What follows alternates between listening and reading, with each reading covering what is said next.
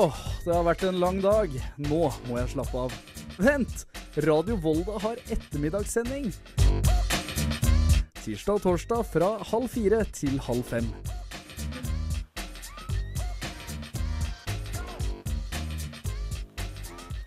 Hei sann, hopp sann, og velkommen til ettermiddagssending her på Radio Volda. I dag er det så fint vær ute at det er nesten litt synd å stå inne. Sola skinner, og det er fin mengde med snø ute. Man blir nesten litt rastløs fordi det er rett og slett det perfekte påskeværet. Med deg i studio har du Selina Magnussen, og ved min side har du Sander Krangsås Dale, og i dag er den siste ettermiddagssendinga her på Radio Volda før påske. Og Derfor så skal vi den neste timen prøve å sørge for at du får litt påskestemning. Og i dag har vi masse godt på tapeten, eller hva, Sander? Det har vi. Og som sagt, Selina, så nærmer seg påske. Og i dag så skal vi få besøk av to stykker som alle forbinder med påska. Og dem skal vi også gi en liten påskenøtt. Det tror jeg blir knallbra. Man har jo hørt om påskeøya i Stillehavet, men visste du at det fins ei påskeøy her i området? I området. Der har vi faktisk tatt turen. Og ikke nok med det, så skal vi være med når løypene skal trakkes, slik at du kan hive deg rundt på skia. Og vi må ikke glemme at vi skal få siste episode av Påskekrimmen, Påskekarusellen. Som du hører, så blir det rett og slett ei rein påskesending her i dag. Så du må bare lene deg godt tilbake og nyte. Men før vi begynner på programmet, skal du få nyhetene av Stine Gaustanes Hansen.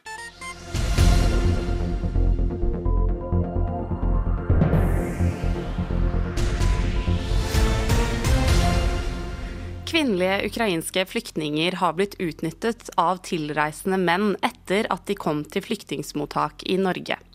Flere steder i landet har, derfor, har derfor politiet satt inn ekstra sikkerhetstiltak.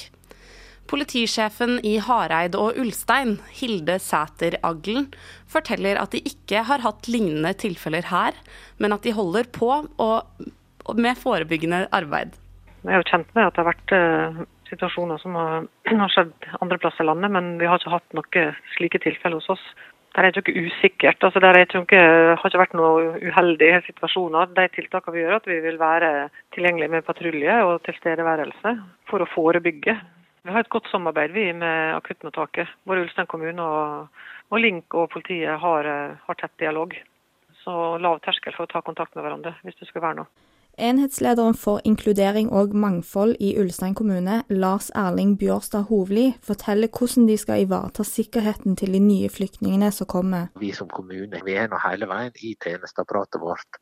Så har vi risikovurderinger i forhold til den jobben vi gjør, men det er ikke noe spesielt uh, som vi har gjort nå knyttet til dette de sektorene som har ansvar, tar ansvar for. og det gjør det. Altså, samtidig er det veldig viktig at vi som lokalsamfunn er obs eh, på disse problemstillingene og har både øyne og ører. Og at hvis det er eh, ting som vi observerer, at vi tar tak i det og at vi spiller på lag med politiet. Kommunestyret i Ulstein har vedtak om å bosette 135 flyktninger. Dette er en økning på 110 fra tidligere rammer. De forventer å starte bosetting av flyktninger rett etter påske. Vi har ikke fått noen utsøkte oss ennå, men jeg regner med vi får det snart. og Da vil vi få datoer fortløpende for når folka kommer. Reporter i saken var Helene Oma Kvingedal. Volda håndball sikret onsdag kveld opprykket sitt til Eliteserien i håndball for damer. Klubben har helt siden 2003 hatt et langsiktig mål om at dette en gang skulle skje, og i går gikk endelig drømmen i oppfyllelse.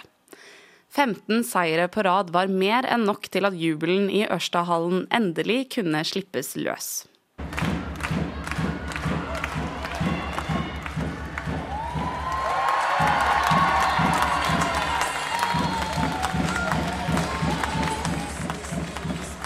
Lille vi, lille Volda, har klart å rykke opp til Eliteserien. Det, det er helt sjukt. Det er noe vi har jobba for i, i hvert fall seks sesonger så lenge jeg har vært med. og Klubben har jobba for det mange viser år før det. Og at vi kan stå her samla og si vi klarte det, det er for frysninger. Nei, jeg er så stolt. Og stolt kunne Marte Nordnes og damene fra Volda være kampen igjennom. For det var aldri noen tvil om at opprykket skulle sikres foran 500 spinnville voldinger i Ørsta sin storstue onsdag kveld. Kaptein Kine Kvalsund legger ikke skjul på hva støtten på hjemmebane betydde. Nei, det betyr vanvittig mye. Det er fantastisk å spille her, om vi er Ørsta eller Volda, så er publikummet vårt. Så de lager god stemning og hjelper oss masse, så det er helt nydelig. Med publikum på lag og en god prestasjon prøver en ordknapp trener Haldor Stefan Haraldsson å ta alt inn over seg og understreke at dagens kamp kun var en del av en enorm sesong. Det er helt uvirkelig.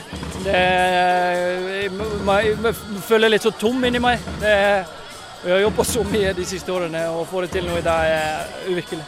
Nei, altså det, det, det er jo Vi har spilt 19 kamper, så det er, det er ikke i dag vi vinner det. Altså Det er uh, hele sesongen. Vi har jobba knallhardt hele sesongen, og, og, i dag får vi litt betalt. Voldas beste over nederlandske Hante Hammel, beskriver en imponerende prestasjon for damene og forteller hvor mye jobb som ligger bak triumfen. Men feiringa, den venter de med. Særlig første omgang var veldig bra, og så eh, ja. Så jeg var veldig fornøyd. vi alle visste at vi kunne gjøre det, men uh, nå skjedde det, så alle er veldig glad. Uh, jeg tror mest på søndag, så ja, ja, litt i dag. Reporter i saken var Jørgen Eriksen, og nyhetene i dag fikk du av Stine Gausanes Hansen.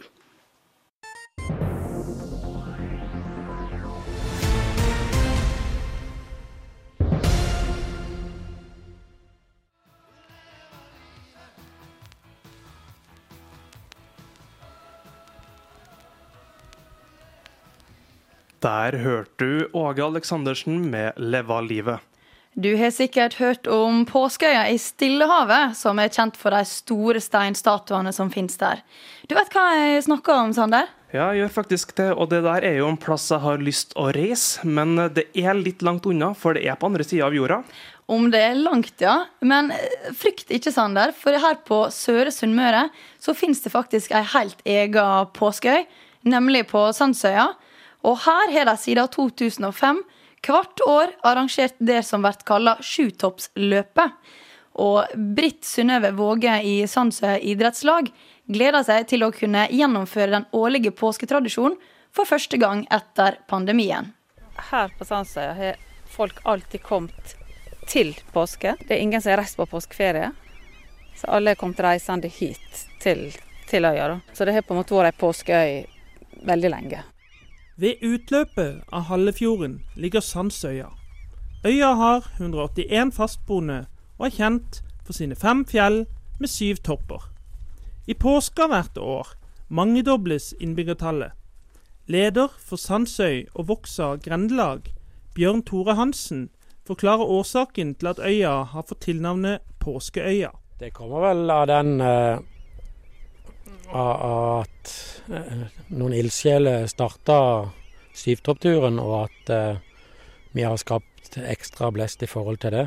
Og så har de idrettslaget tatt opp og lagd et fantastisk arrangement som har trukket mye mer folk enn vel egentlig det en nesten kunne ane.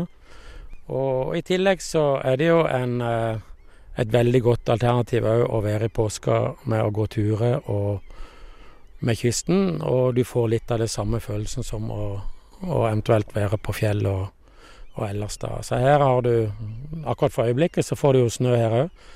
Eh, og du får eh, bart, og du har sjø og, og alt da. Og så er det jo flere topper her ute, da, så du kan gå nye turer hver eneste dag. Syvtoppsløpet har flere forskjellige muligheter for deltakelse. Det er to, to løyper. Den ene den går opp på fjelltoppene, på alle sju toppene. Og så den andre det er en landeveismarsj. Altså den går rundt Vågen, som vi sier. På veien rundt eh, Ja, det ser du på kartet. og, det, og den eh, Der er nok eh, spørsmål som er utplasserte, som folk kan løse hvis de vil. De kan selvfølgelig bare få gå hvis de vil det. Og så får de sjekke svarene når de kommer tilbake. Da. Men de som er under om er ikke helt sikker, 15 år, tror jeg det, de får godkjent uh, sjutoppstur med kun fire topper. Ja, Sju topper det er ganske tøft for veldig mange. Man skulle kanskje tro at dette bare var for topptrente mennesker, men her kan alle delta. Løpet har også bidratt til å gjøre øya kjent langt utover øyas grenser. Alt mulig slags folk. Mm. Der er mye unger som går. Og som sagt, de under 15 de får medalje hvis de fullfører fire topper, men det er veldig mange som går alle sju. Mm. Veldig mye spreke folk. Og det er ja, all slags folk ellers. De kommer langveisfra. og det er litt artig for når du er ute og reiser på tur eller noe og kommer i snakk med folk, og de hører vi er på Sandsøya, så sier de 'Å ja, der var vi på sjutoppstur'. Eirik Vokse Bringsvor innehar løyperekorden i løpet på 1 time og 22 minutter. Den ble satt i 2018 og står enda. Han er spent, men samtidig klar for årets løp etter to års pause. Jeg er litt spent på hvordan det, den opplevelsen blir. Da. Det, det har alltid vært litt spenning når, dagen, når påska kommer og når dagen er der. Mm. Så, um, så det jeg ser jo fram til å få tilbake den, de rammene som vi hadde tidligere. Så, um, men akkurat hvordan det blir, det, det er jeg litt spent på. Også det lokale næringslivet heier på løpet. Anja Halsebakk, som er daglig leder i Rosenlund havn, og som skal åpne nytt hotell til påske, tror løpet har mye å si for fremtiden til hotellet. Det er jo viktig for oss. Eh, Det er jo eh, åpning, altså sesongstart. For, eh, påska er sesongstart for båtene.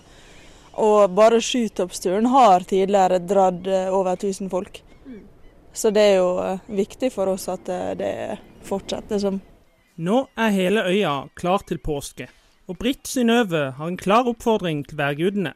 Men vi håper nå selvfølgelig på strålende vær og at løypene tørker opp, sånn at vi får ta unna en del, en del folk. Masse folk. Og reporteren som tok turen til den sunnmørske påskeøya, var Simen Vederhus. Du hører på ettermiddagssendinga til Radio Volda.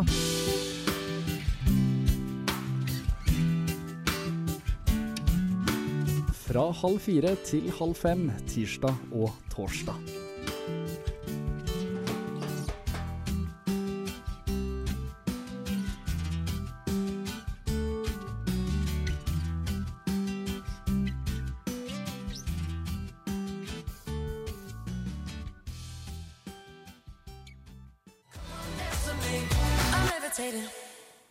Det var Dua Lipa med 'Levitating'.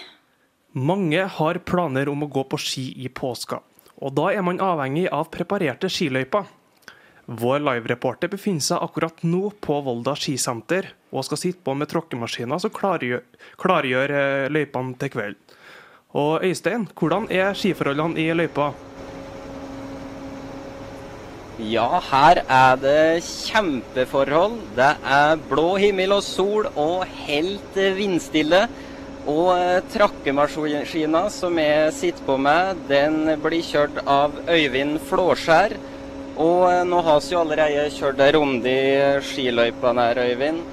Eh, Hvor mange år har du kjørt trakkemaskin? Nå har jeg vel kjørt trakkemaskin i ni år, blir det vel, med denne sesongen her. Så det blir, er nok fort begynner å bli noen år. Eh, Kan du forklare litt hvordan ei trakkemaskin fungerer? Ja, den har nå et eh, skjær framme til å flytte på snø og drage med seg snø dit du vil ha det. Og så er det en beltegående maskin som kommer seg ganske bra fram i snøen. Og så bak trakkemaskinen der har vi noe som heter en fres.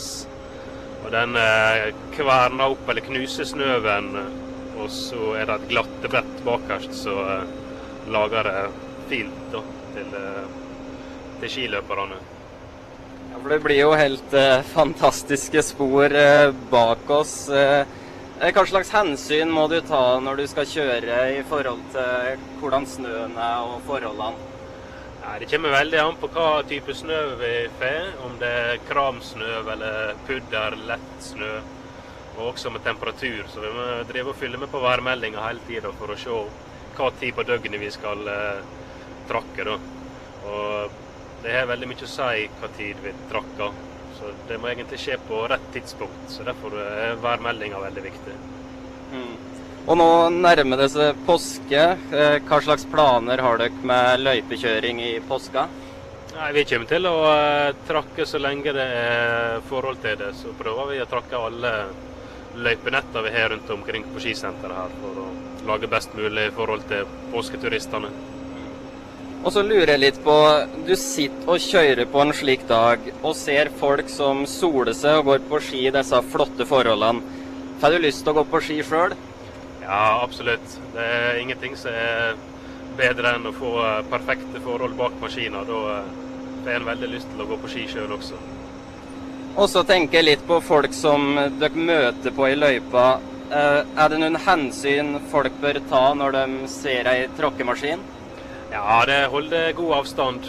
Eh, eh, både trekke ut av løypa og i hvert fall vise, gjerne vise tegn til oss også at dere har sett at maskiner kommer. Og så er det av og til folk går med musikk på øra og ikke merker at vi kommer bak dem. Det er bare å være litt obs og så passe seg. Hva slags eh, tilbakemeldinger får dere folk, fra folk om eh, løypene? Eh, stort sett er det veldig bra. Så eh, vi prøver å gjøre vårt beste for, å, for skiløperne. Men eh, av og til så bommer vi nå på værmeldinger og når det er best å trakke. Så det er nå av og til det blir noen bomturer, da, men vi prøver å lære av det. Og så trakke og gjøre løypene best mulig. nå.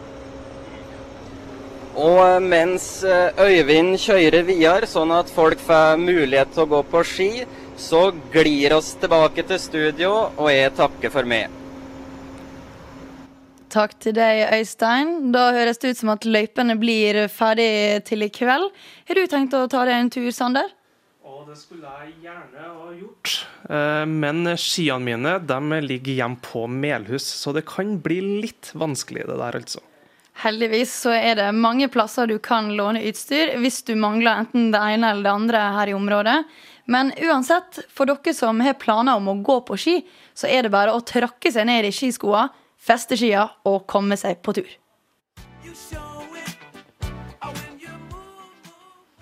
Der hørte du nettopp 'Get Down On It' av Cool and The Gang. I påska er det mange som kanskje velger å gå på ski, skal på toppturer eller dra på hytta. Eller kanskje de bare skal ligge langstrakt ut på sofaen. Men en typisk påskeaktivitet for mange er jo strikking, og Selina, strikker du? Nei, jeg kan vel egentlig ikke skryte på meg at jeg strikker, men jeg har i mange år tenkt på at jeg skal begynne å strikke. Eh, Jeg kjøpte inn et, et, et litt nøste til en balaklava i fjor. Men det er jo en- i grunnen litt flaut, for jeg har verken tatt tråden eller strikkeoppskrifta ut av posen ennå. Ja, ja, men da er det nå bare å begynne, da. For eh, visste du at strikking kan ha mange positive helseeffekter? Nei, dette her er en uh, båt. ja, ja, ja.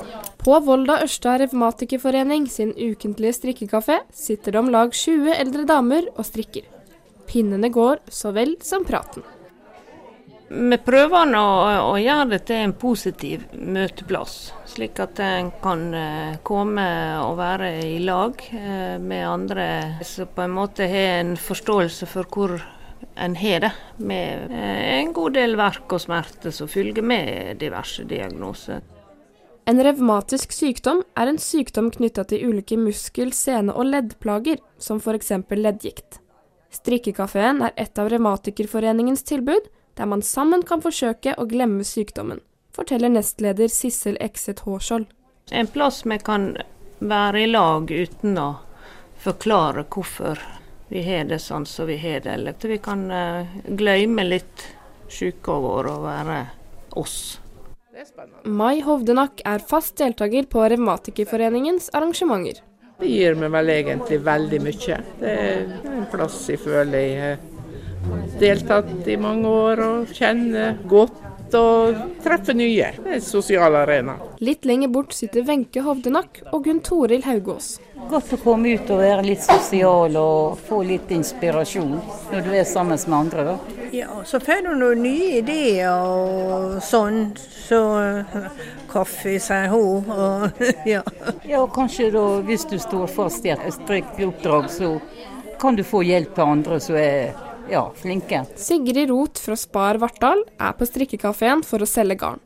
Hun er òg en ivrig strikkeentusiast. Det beste med strikking er at det blir noe. Altså Du har dette garnnøstet, og så blir det et eller annet kjempefint, som oftest. For personer med revmatiske diagnoser kan strikking også være en form for terapi, sier fysioterapeut Ragnhild Svensli. All aktivitet er viktig. Og er det noe man eh, liker og får til, så er jo det kjempebra. For at du bruker jo fingrene og du øker sirkulasjonen, selvsagt. Og, og også dette med at hvis man har mye smerte, så vil man jo oppleve at når man gjør noe man syns er kjekt og som man trives med, så vil jo det også være en, en distraksjon fra det å kjenne på smerte. da. Ja, nei, det er noe kjekt å ha en hobby, da. Enkelte hevder at hjernestimulerende aktiviteter, som f.eks. strikking, kan bidra til å motvirke demens. Leder i Volda Ørsta revmatikerforening, Ann Elin Brekke, ser ikke bort ifra at det kan stemme. Jeg tror ikke det er noe forska på at det er bevist, da, men eh, vi liker å tro det. Ja. Du får nå brukt hodet ditt hvis du eh, har et vanskelig mønster, en vanskelig genser, et eller annet eh, vått med innvikla opp mønster og diagram og styr, så eh, du, du hviler ikke hodet hele tida da. Overlege Åse Morsund ved Avdeling for medisin og nevrologi ved Helse Møre og Romsdal kan fortelle at det som hjelper mot demens, er å holde hjernen i aktivitet. alle typer ting som stimulerer hjernen er gunstig, altså så lenge det ikke er sånn overstimulering. Det at hjernen er aktiv hele tiden med forskjellige aktiviteter, det gjør jo at vi holder oss mer vital. Altså Det som blir lite brukt, blir dårlig trent. Det er litt sånn sammenlignbart med kroppen for øvrig. Noe sånn vitenskapelig veldig tungt eh, materiale har jeg altså ikke, men at vi sterkt oppfordrer folk til å være i meningsfull aktivitet for å holde hjernen friskest mulig, det gjør vi jo. Ifølge fysioterapeut Ragnhild Svensli kan strikking òg være bra for mental helse. Dette med, med bekymring i livet, ikke sant? altså lykkefølelsen. og klart at Hvis du syns at dette er en aktivitet som er veldig kjekk, så kjenner du også litt mindre bekymra. Det er jo også ting som skjer i kroppen når man gjør kjekke ting. Da er det noe i hjernen som på en måte frigjør ulike transmitter, som det heter, da, som oppmuntrer til liksom, en positiv mental helse. Det skal bli ei pute. Jeg skal holde på å strekke meg sjøl ganske. Jeg syns det er veldig fint med votter, og så liker jeg veldig godt gammeldagse selvbord. Med påskeferien rett rundt hjørnet er det nok flere som ser frem til å koble av med litt strikking. Til deg som syns strikking høres interessant ut, men kanskje ikke er like durkdreven som damene på strikkekafeen, har Sigrid Roth følgende tips. Eh, Du kan f.eks. begynne med litt små plagg, barneplagg, for da, når du da er ferdig, det går litt kjappere, så OK, du har fått unna et plagg, og da etter hvert da, så begynner du på litt større og større. Og så bruker jeg å si vent litt med å strikke eh, lester, som jeg sier, ragger, for denne hælen er litt eh, berømt for å være tricky. Reporter i saka var Tone Skårseth Rørvik.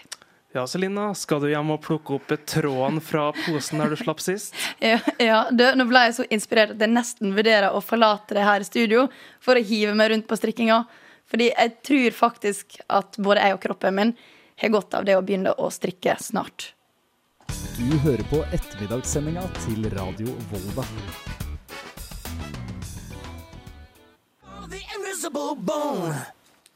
Det var Vigvam med Do You Wanna Taste It. Siden påska er rett rundt hjørnet, som vi har sagt, så tenkte vi å kjøre en liten påskequiz. Og i den anledning så har vi fått besøk av ingen ringere enn påskeharen og påskekillingen. Velkommen til dere. Takk, for det. takk for det. Hvordan har eh, påskeforberedelsene vært i år?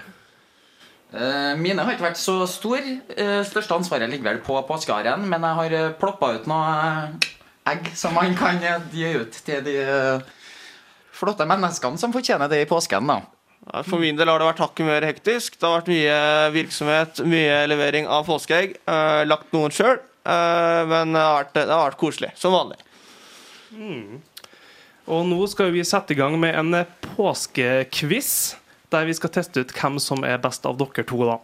Og Reglene de er enkle. Dere får sju spørsmål med svaralternativ. Og så er det den som sitter igjen med flest poeng til slutt, som har vunnet. Yes. Høres det greit ut? Veldig fint. veldig fint. Spennende. Yes. Nei, men Da starter vi med første spørsmål. Hvem har verdens lengste påskeferie? Er det A. Norge, B. Sverige, C. Finland eller C. Danmark? Det mener jeg. Da er det bare å tenke som egga knuser. Wow. Uh, hvem skal svare først, vil dere? Uh, Haren kan svare først. Uh, eh, alternativ to var Alternativ to var Sverige. Ok, Norge Vi har veldig lang påskeføre her, så det går Norge. A. Eh, kjedelig, men jeg går også for A, Norge. Jeg hører på eksperten. Ok, det er faktisk riktig. For både Norge og Danmark har en lang påskeferie. Mange land har fri enten skjærtorsdag eller andre påskedag i tillegg til langfredag. Men få har fri alle de her dagene. Og det landet som har kortest påskeferie, er faktisk USA, som har en helt vanlig helg uten noen helligdager. Oi. Wow. Stakkars amerikanerne. Ja. Skal vi gå over til spørsmål to, da? Vi gjør det. Påskeøya er en chilensk øy i Stillehavet som er kjent for steinstatuene som finnes rundt på hele øya. Men hvorfor heter det egentlig Påskeøya? Dere får også svaralternativ her. A. Det er mange kaniner på øya, derfor forbinder man det med påske. B. Øya ble oppdaga første påskedag, derfor navnet. C. Han som oppdaga øya, var en italiener ved navn Pasca. Øya er oppkalt etter han. Eller D. Det var her Jesus blei korsfesta. Eh, jeg kan svare først. Jeg tipper svaret alternativ B. Um, hva var det? Øya ble oppdaga første påskedag. Jeg tror det. jeg tror B, mener jeg. Ha, haren går for alternativ C. Altså han som oppdaga øya, var en italiener ved navn Pasca. Det stemmer. Her er da riktig svaralternativ B. Øya ble oppdaga første påskedag, og derfor heter den Påskeøya. Spørsmål nummer tre. Hvor mange egg kjøper nordmenn i påskeuka? Er det A 21 millioner, alternativ B 8 millioner, eller C 15 millioner? Eh, her klinker jeg på med alternativ C. Eh, jeg går for eh, alternativ A. Den er god, og da er det faktisk påskekyllingen som har Fy riktig her også. Så nå spørs det om det er påskekyllingen som faktisk blir best. Det gjenstår å se. Så da går vi videre til spørsmål fire. Hvor mange år har det vært krim på melkekartongen? A 19 år. B 30 år. Eller C 21 år. Uh, der tipper jeg svar alternativ B. F 15 år? Nei. 30. 30 år. Det tipper Du går for 30? Jeg går for 21 år.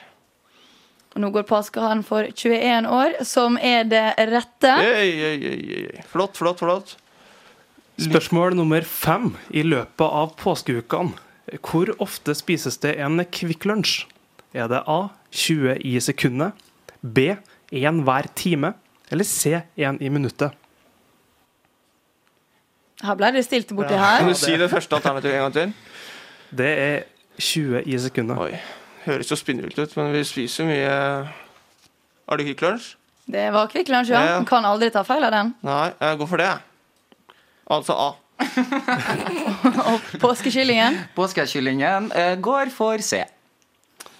Det er faktisk påskeharen som har riktig det her spørsmålet. Er det seriøst 20 sekunder? Ja, det er, oh, det er ganske masse. Wow. Ja, overraskende. Da går vi videre til spørsmål seks. Hva slags kriminell handling er påska ei høgtid for? A. Innbrudd. B. Vold. Eller C. Svindel. En kriminell handling der, altså. Oi. En eh, kriminell handling, eh, handling der. Jeg går for eh, vold, tror jeg. Jeg går for innbrudd, jeg. Da går påskeharen for innbrudd og påskekyllingen for vold. Ja. Riktig svar er altså A. Innbrudd. Og så er det det siste spørsmålet. Hva var det som skjedde på påskedagen? A. Dagen da Jesus døde eh, på korset. B. Dagen da Jesus sto opp fra de døde. Eller C. Dagen da Jesus red inn til Jerusalem. Eh, Påskedagen, det, altså første påskedag, Det stemmer. det var dagen da han eh, sto opp fra de døde. Uh, jeg tror Jesus uh, rei inn til Jerusalem. Det tror jeg. Vet du hva? Da har vi faktisk en vinner Er med det hele pås- Er det påskeharen, eller er det påskekyllingen? Med hele fem poeng mot tre poeng, så er det påskeharen som stikker av med seieren i denne påskeduellen. Eh, gratulerer. Godt Takk jobba, det, begge to. Ja, takk for det, det var veldig artig. Veldig lærerikt og gøy, faktisk, denne quizen. Ja. Så bra. Dere var veldig flinke. Flott, flott. Tusen takk for at uh, dere var med oss i dag. Da gjenstår det egentlig bare å ønske dere lykke til i, til påska, og masse god påske til dere begge to. Takk i like måte. Takk, takk, takk. Det var 'Memories' av David Guetta og Kid Cudi. Steiketid! Nå er det ettermiddagssending på Radio Volda. Kom da, Rufus! Dette må vi få med oss! Nå setter vi oss her og hører på resten. I påska er jo det veldig mange som bruker å enten høre eller lese påskekrim. Hva forhold har du til påskekrim, Sander? Nei, jo, eh, Da jeg var yngre, så feira vi påske på hytta hvert år, og da brukte vi å høre på påskekrimmen som gikk på radioen. Men eh, plutselig så slutta jeg med det, og etter det så har jeg egentlig ikke fått med meg så mye krim enn eh, deg, Silina. Jeg har i grunnen aldri hørt så masse på påskekrim, men jeg syns det er gøy å lese de som har vært på melkekartongene, da. Så jeg syns egentlig krim er ganske spennende. Så kanskje dette er den påska jeg faktisk skal begynne med en fast tradisjon. Ja, men da tenker jeg at du kan starte her og nå, for nå skal vi over til episode to av Påskekarusellen. I første episode ble påskeprogrammet gjort om til en påskekrim da selveste påskeharen ringte inn og fortalte at han hadde mista alle eggene sine. Leitinga etter egga sendte programleder Egvin EG Jakt ut på ei skikkelig påskejakt, der han har fulgt ledetråder rundt om i hele Volda. Den siste ledetråden sendte han til moloen i Volda sentrum, og la oss høre hvordan reisa går videre. Vil påskeharen få tilbake egga sine? Du hører på Påskekarusellen med Egvin EG Jakt. Hjertelig, hjertelig, hjertelig velkommen tilbake til Påskekarusellen. I forrige episode hørte vi at påskeharen har mistet alle eggene sine. Derfor er jeg nå ute på en vill leteaksjon etter påskeeggene. Gjennom flere ledetråder er jeg havnet på moloen i Volda sentrum. Følg med for å se hvor det kan lede oss videre. Hallo, hallo. Hvem står her på moloen, eh, mon tro? Ja, velkommen til moloen min. Jeg er molomann. Fordi du fant meg, skal jeg gi deg en ledetråd til din neste destinasjon på din reise. I mine hender holder jeg en gammel, men nydelig utbrodert lommekniv. I gamle dager reiste folk over land og strand etter en sånn her kniv.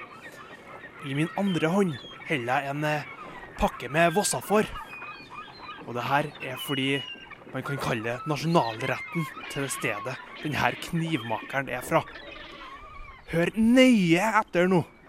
Følg motstrøms bekk og finn hans gamle hus. Vår programleder tar opp farta mot Øyraelva. Knivmakeren er selvfølgelig Olavius Nilsen fra Voss, derav denne såkalte nasjonalretten, Vossafor, som var i hånda til molomannen. Og opp langs denne motstrømse bekken Øyreelva som renner nedover, ligger det gamle huset til denne Olavius Nilsen, som var knivsmed. Der er huset! Men jeg kan ikke se noen nye ledetråder rundt der. Ja, jeg får vel bare fortsette å gå oppover stien. På toppen av stien der finner jeg en stand der det står to selgere. Den ene selger mandler, men til en billig penge. Det er nemlig priskrig på denne varen. Priskrigen er kommet av en høytid som vi feirer nå. Spesielt når mandlene moses og tilsettes sukker, kjennetegner denne godbiten en høytid. Den andre selgeren hadde en kasse med appelsiner foran seg. Men ingen av dem var til salgs. De skulle nemlig moses, men ikke til appelsinjuice. De skal bli en gul leskedrikk tilsatt karbondioksid. Eureka! Nå har jeg løst mysteriet. Jeg vet hvor påskeeggene er. Har du, kjære lytter, klekt ut hvor eggene ligger? Det har vår programleder. Mandler og sukker blir til marsipan, og appelsiner og karbondioksid blir til solo. I den høytiden vi er i nå, har de en magisk effekt til å tiltrekke seg kjøpere. som da ikke kjøper annet enn påskegodt. Selv påskeharen falt under denne forbannelsen. Vår programleder løper inn på Kiwien her i Volda, samme Kiwien som påskeharen hadde vært på tidligere. Inn til påskeavdelinga og finn posen med alle påskeeggene til påskeharen. Yes, jeg har eggene. Åh, og nå må jeg bare ta og ringe påskeharen og fortelle han de gode nyhetene. Har du funnet påskeeggene mine? Ja, jeg har funnet alle påskeeggene dine. Å, tusen takk! Tenk at jeg ble stående og sanke solo og marsipan her til hodet mitt er så fylt av sukker at jeg glemte det viktigste påskeeggene. Og du løste mitt mysterie. Tusen takk! Og som belønning så skal du få lov til å ta med et påskeegg fra posen. Å, tusen takk, herr påskehare.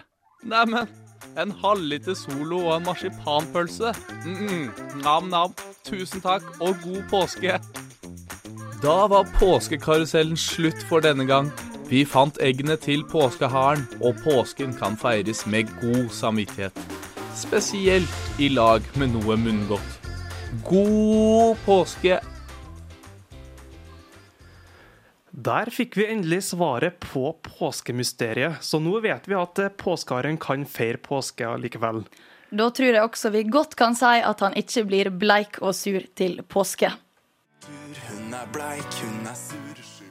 Der hørte du Bleik og sur av Katastrofe, Staysman og MMB. Nå får du ei lita nyhetsoppdatering.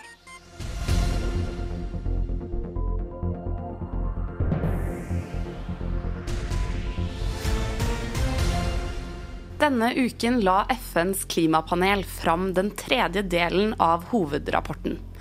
I rapporten kommer det frem at klimatiltak de neste årene blir avgjørende for å kunne nå 1,5-gradersmålet. Den viser til at man må iverksette tiltak umiddelbart for å redusere klimagassutslippene. Dette gjelder også kommunene på Søre Sunnmøre.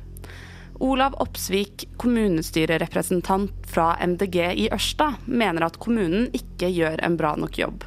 Nei, kommunen gjør ikke en bra nok jobb. Det var egentlig konklusjonen. Eh, og det må, det må strammere føringer til fra nasjonalt hold hvis dette skal gå. For Oppsvik er det viktig at klimapolitikk i kommunen prioriteres, og det er mye en kommune kan sette inn av tiltak. Det ene er jo landbruk, eh, å bevare matjord og ha mest mulig effektivt landbruk. Og det andre går på fri natur, som hele tida er trua av utbygging, industri, boligbygging og den type ting. I tillegg til det så er det jo det å ta tak i sine egne utslipp som en kommune står for.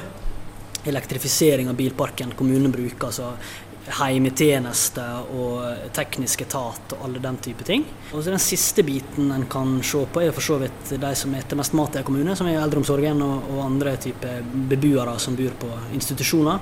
At de tenker klimasmart når de lager menyer. I Ørsta har MDG fått gjennomslag for klimabudsjett. Men dette er ikke nok, mener Opsvik. Det synliggjør fall hvor utslippene kommer, og hva, som er et godt verktøy for å finne ut hva en kan gjøre. Men utover det så er det en konstant kamp for oss som er miljøbevisste politikere i hver dag. Ordfører i Ørsta, Stein Om, sier dette med klimatiltak er noe de både vil og må prioritere framover. Alle må ta tak i det, og kommunene er selvfølgelig et foregangseksempel for innbyggerne. Skal være bevisste på det, så det må vi prioritere. Reporter i saken var Henriette Norheim. Påskeferien kan føre til endringer i trafikken på Søre Sunnmøre. Det er forventet mer rush de neste dagene, forteller Eirik Miriamsen ved Veitrafikksentralen Midt-Norge. Det vil nok være litt utfart for de som tar tidlig påske nå til helga. Hvor mye trafikk det blir, det tør ikke jeg spå, men litt mer utfart enn vanlig helg tror jeg går an å forvente. Veiene vil trolig være åpne som normalt. Målet er alltid å holde veiene åpne, men hvis at været byr på utfordringer, eller at man oppfatter fare for skred eller lignende, så beslutter man å stenge. Men det er ikke noe forventa, det. Nyhetene fikk du av Stine Gaustanes Hansen.